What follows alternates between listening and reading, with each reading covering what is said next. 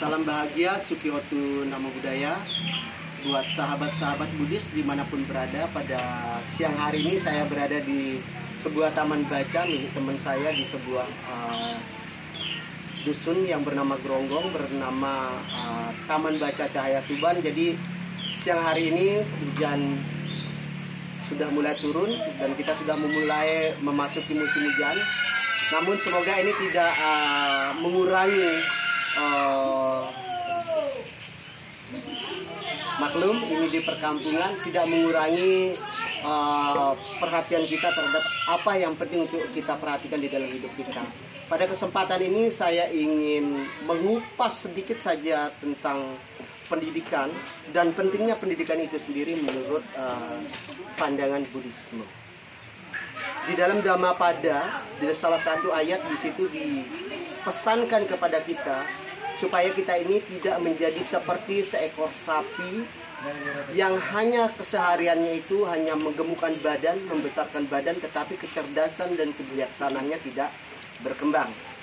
Kemudian di Manggala Sutta juga dijelaskan bahwa di situ memiliki pengetahuan dan keterampilan, terlatih baik dalam tata susila, ramah tamah dalam ucapan, inilah berkah utama.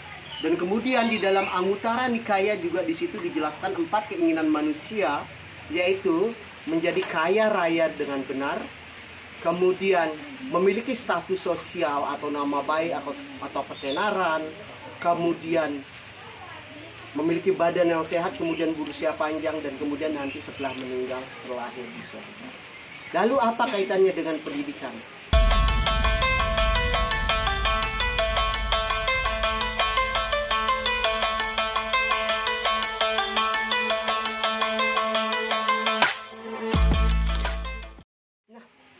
Pendidikan di sini adalah salah satu upaya kita untuk mencerdaskan diri dan kemudian dengan kita cerdas kita menjadi lebih bijak. Nah, kemudian di Manggala Sutta juga ditekankan lagi bahwa memiliki pengetahuan dan keterampilan. Di dalam dunia pendidikan itu ada ranah-ranah yang kemudian ditekankan di situ yaitu ranah kognitif, kemudian ranah psikomotorik dan ranah afektif. Nah, kalau kita berbicara tentang pengetahuan dan keterampilan, terlatih baik dalam kata susila, ramah tamah dalam ucapan, ini berarti sudah tepat sekali mengarah kepada ranah tersebut. Lalu setelah kita ketahui ini apa kita masih tidak peduli terhadap pendidikan anak-anak kita? Bayangkan kalau kita hitung mulai dari pendidikan anak kita mulai dari pendidikan anak usia dini atau PAUD kurang lebih sekitar sekian tahun Kemudian TK kurang lebih 2 tahun. Kemudian mereka masuk SD selama 6 tahun. Kemudian SMP selama 3 tahun. Kemudian SMA selama 3 tahun. Kemudian perguruan tinggi kalau hanya sebatas S1 atau strata 1 itu 4 tahun. Kurang lebih 18 sampai 20 tahun bahkan lebih dari 20 tahun waktu itu digunakan hanya untuk pendidikan. Kalau kita compare dengan rata-rata usia manusia. Kalau kita ambil 60 tahun saja rata-rata hidup manusia artinya sepertiga dari usia manusia itu dihabiskan untuk pendidikan. Lalu apakah dengan mengetahui ini kita masih tidak memperhatikan pendidikan oleh karena itu sahabat-sahabat saya yang Buddhis kalau kita betul-betul menyimak dan memahami makna dari Manggala Sutta dan ayat Dhamma pada tadi dan apa yang ingin kita capai yang disampaikan oleh Buddha di dalam Anguttara Nikaya, maka satu-satunya yang harus diperhatikan adalah pendidikan. Pendidikanlah investasi buat anak-anak kita di masa depan. Karena dia menjadi Buddhis yang cerdas, yang bijak juga harus melalui pendidikan.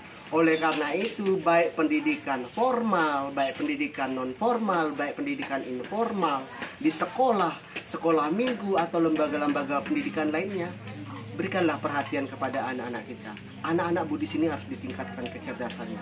Karena seperti yang kita lihat sekarang di mana-mana, terutama di uh, Lombok juga pasca gempa, orang beramai-ramai bangun wihara baru yang megah. Tapi belum cukup kita harus imbangi dengan peningkatan kualitas sumber daya manusia yang satu-satunya cara adalah memberikan perhatian kita pada pendidikan. Nah, oleh karena itu, karena lebih dari 2500 tahun yang lampau Sang Buddha sudah menekankan hal ini, maka pendidikan harus menjadi perhatian kita sebagai anak-anak Kudus.